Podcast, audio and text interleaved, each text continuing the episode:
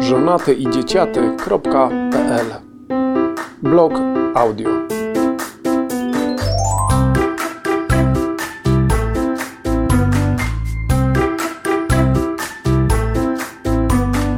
Czyta autor. Atypowy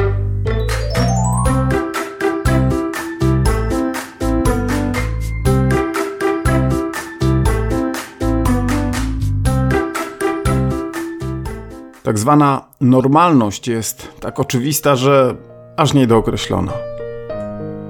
To dlatego, że jej granice zdają się zmieniać i być zmieniane przez większość. Bo normą stało się, albo zwyczajnie tak jest, że to większość określa, czym normalność jest. A co z wszystkimi tymi, którzy nie odnajdują się w jej płynnych granicach?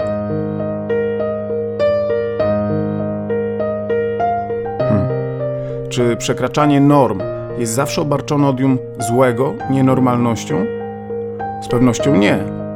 Tak zwany normalny człowiek nie potrafi przykładowo przebiec dystansu 100 metrów poniżej 10 sekund. A są tacy, którzy to potrafią.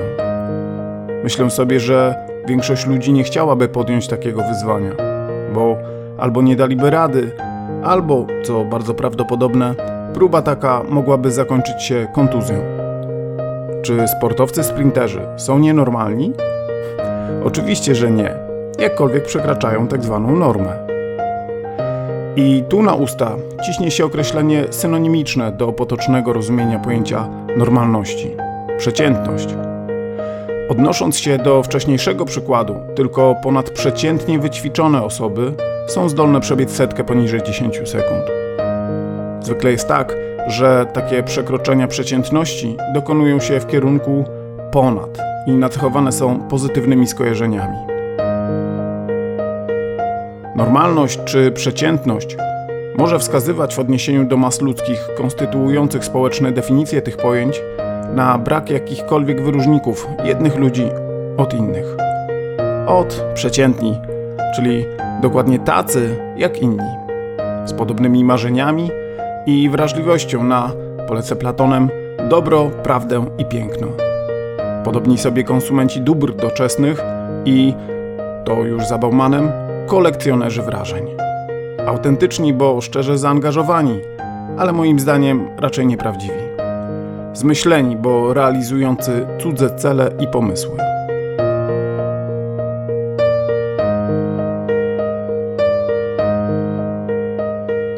Pisał o tym Marian Jachimowicz w wierszu, którym obdarowała mnie Maria Dudzikowa. Jestem wciąż pełen wdzięczności za to im obojgu. Szło to tak. Pomyśl siebie. Stań się na nowo. Bezrozumnych zmyślają inni.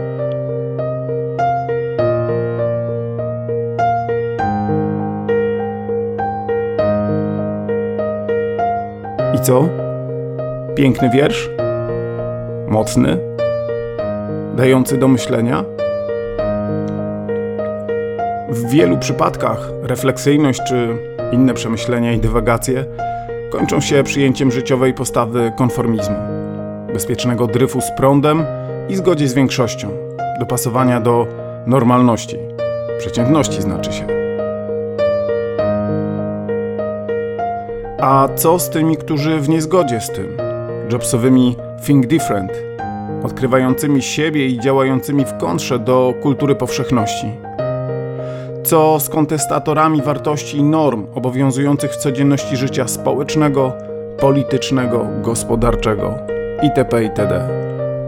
Co z tymi, których niezgoda na przeciętność nie jest kontrą dla zasady, a wynikiem przemyślenia, nazywania rzeczy i spraw, podjęcia próby wartościowania ich, np. przez stosowanie kestlerowskich holarchii wywodzonych z greckiego słowa holon oznaczającego całość zamiast hierarchii. Pojęcia kontrkultury i kontestacji w odróżnieniu od postrzegania ponadprzeciętności niosą z sobą odium pejoratywności, niestosowności. Mogą kojarzyć się z zagrożeniem dla wszystkiego, co znane i oswojone. Jeśli chcesz sprawdzić, na ile bliską, jeśli w ogóle, jest dla ciebie kontestacja, możesz zmierzyć się z treścią książki napisanej przez Christophera Hitchensa Listy do młodego kontestatora. Spróbuj. Nie będziesz żałować, bo przyjęcie jakiejkolwiek strony w tym dyskursie będzie związane z koniecznością przemyślenia pewnych spraw i kwestii. A może wyparcia? Bo czyż można ufać, od tak, osobie, która pełniła funkcję adwokata diabła w procesie beatyfikacyjnym i kanonizacyjnym Agnes Gongcja Bojaksiu? Nie czytam dobrze po albańsku, użyję więc jej bardziej znanego imienia. Matki Teresy z Kalkuty. W odniesieniu do sprawy, o której już za chwilę, użyję przewrotnego określenia atypowości.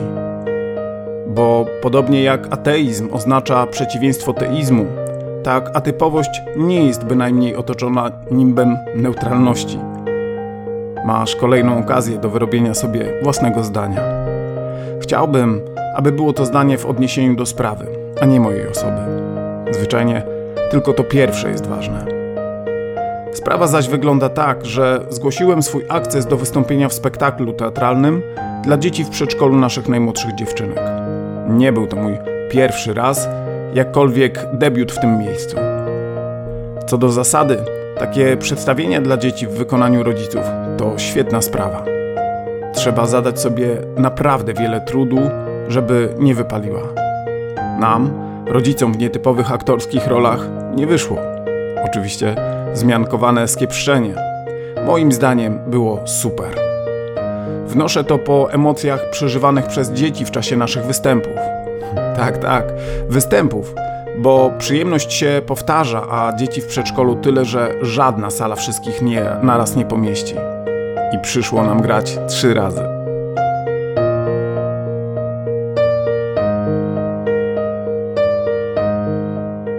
Myślę, że to naprawdę fajna sprawa, gdy rodzice przekraczają typowość ról z codzienności w tak atrakcyjny dla dzieci i wymagający jednocześnie sposób. Mówi się, że dzieci są najbardziej wymagającą widownią. Tym większą jest rodzicielska duma płynąca z radości dzieci uczestniczących w spektaklach. Przygotowanie spektaklu trwało i rodziło się w przysłowiowych bólach. Te wynikały w dużej mierze z konieczności skorelowania czasu wspólnych prób, a jak wiadomo, czas nie tylko jest zasobem nieodnawialnym, ale, co równie istotne, ciężko pozyskiwalnym zwłaszcza przez uwikłanych w dorosłe życie. Udało się jednak. De facto udało się nawet więcej niż można przypuszczać na pierwszy rzut oka. Bo takie zajęcia wychodzenia poza normalność, gra zmienionym głosem, specyficzny sposób poruszania się, gestykulacji, również poszukiwania, odnajdywania rozwiązań dla granych postaci, wszystko to sprawiało, że ja sam czułem się mniej obcy pośród innych rodziców. To bardzo przyjemne uczucie. Generalnie jest tak, że wspólne przeżywanie w zasadzie czegokolwiek zbliża ludzi i bardzo dobrze. Fajna była także i dobrze przyjęta przez dzieci swoboda w kreowaniu granych postaci. Można było zabłysnąć. Ja sam do roli króla, który nie musiał oddawać ręki córki za dratewkę, bo ten z braku smoka do eksterminacji nie miał czym zabłysnąć, miałem wypożyczony strój.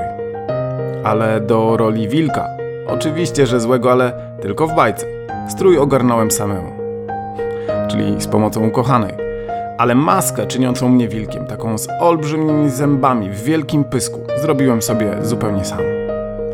Dość powiedzieć, że gdy zły wilk odzywał się swoim, czyli nie moim, ochrypłym i warkotliwym głosem, część najmłodszych dzieci zaczynała płakać. Mam nadzieję, że nie przesadziłem. Te starsze dzieci raczej się śmiały, no cóż, Gajcie, uprzedzoną o roli taty, trzeba było tulić na kolanach. Czyli sukces. Artystycznie i logistycznie z pewnością tak. Niezręczności doświadczyłem, gdy po gromkich brawach po ostatnim spektaklu, prócz gratulacji i podziękowań wszystkim i każdemu, pojawiły się suweniry, dyplomy i kubki.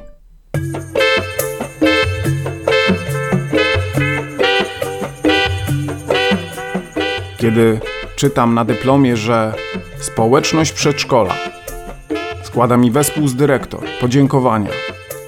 Przychodzą mi do głowy myśli przeróżne i przewrotne zapewne. Po pierwsze, budzą się we mnie wątpliwości co do uczciwości, no bo jak to? Społeczność przedszkola winna oznaczać zarówno rodziców, nauczycieli, pracowników i samych przedszkolaków. Nie wszyscy widzieli spektakl. Wiem to z autopsji. Skąd zatem społeczność? I po co? Dla dodania nobliwości chwili? Może po to, by dzieci i małoliczni rodzice, to nie jest wytyka stwierdzenie faktu, że większość rodziców w tym czasie jest w pracy, doświadczywszy emocji związanych z uczestnictwem w takim wydarzeniu, mogli stać się jego emisariuszami na przyszłość? By dzieci aktorów mogły popękać z dumy przed rówieśnikami, a pozostałe zapragnęły zachęcać własnych rodziców do wzięcia czynnego udziału w przyszłorocznym spektaklu? Czy ten pedagogiczny dla młodszych i starszych wymiar, zapewne istotny społecznie, można realizować wyłącznie w taki sposób? Co mam zrobić z dyplomem, który otrzymałem? Pal 6 jego poprawność. Mam go powiesić na ścianie, pokazywać znajomym? Serio?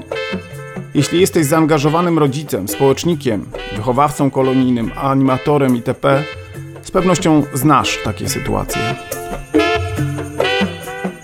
Co robisz ze swoimi dyplomami? Wyrzucasz?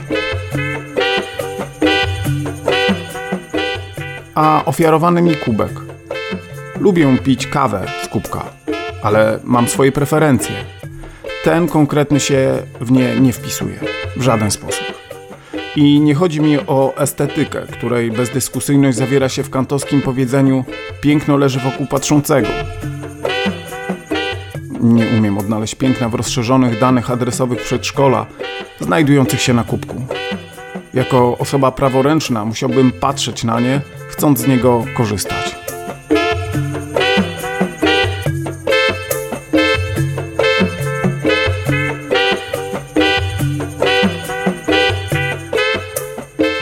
Ale dobrze, pal 6 i to. Przyjmuję, że przynajmniej autorom projektu graficznego kubek taki się podoba. Czy ktokolwiek z inicjatorów tej akcji zadał sobie pytanie, czy obdarowani rzeczywiście potrzebują tych dyplomów i kubków? Czy radość dzieci, pięknie przeżywane emocje, brawa i owacje nie są dobrą nagrodą za pracę i performance? Jeśli nawet miałyby być niewystarczającymi, to czy publiczne gratulacje nie sprzyjają zaangażowaniu do powtarzania tego i temu podobnych wydarzeń w przyszłości? Czy brakuje czegoś słowom głoszonej publicznie radości i wdzięczności? Dla mnie są one bardziej prawdziwe i naturalne niż podziękowania od społeczności przedszkola. A kubki? Jestem ciekaw, ilu z obdarowanych nimi rzeczywiście ich pragnęło, ilu rzeczywiście potrzebowało. Bo czyż nie jest rozrzutnością wydawanie pieniędzy na rzeczy, które nie służą? No, chyba że przedszkolu, ale ja na to zgody swojej nie wyrażam. Dla mnie to nieuzasadnione marnotrawstwo. Prawdopodobnie finansowane ze składek rodziców. Kto chciałby kubek z gustownymi napisami? Hej, nie wszyscy naraz.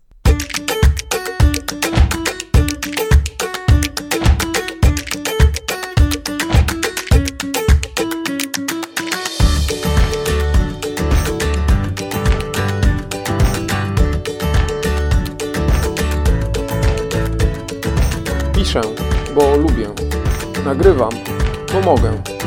Słuchasz, bo wspierasz.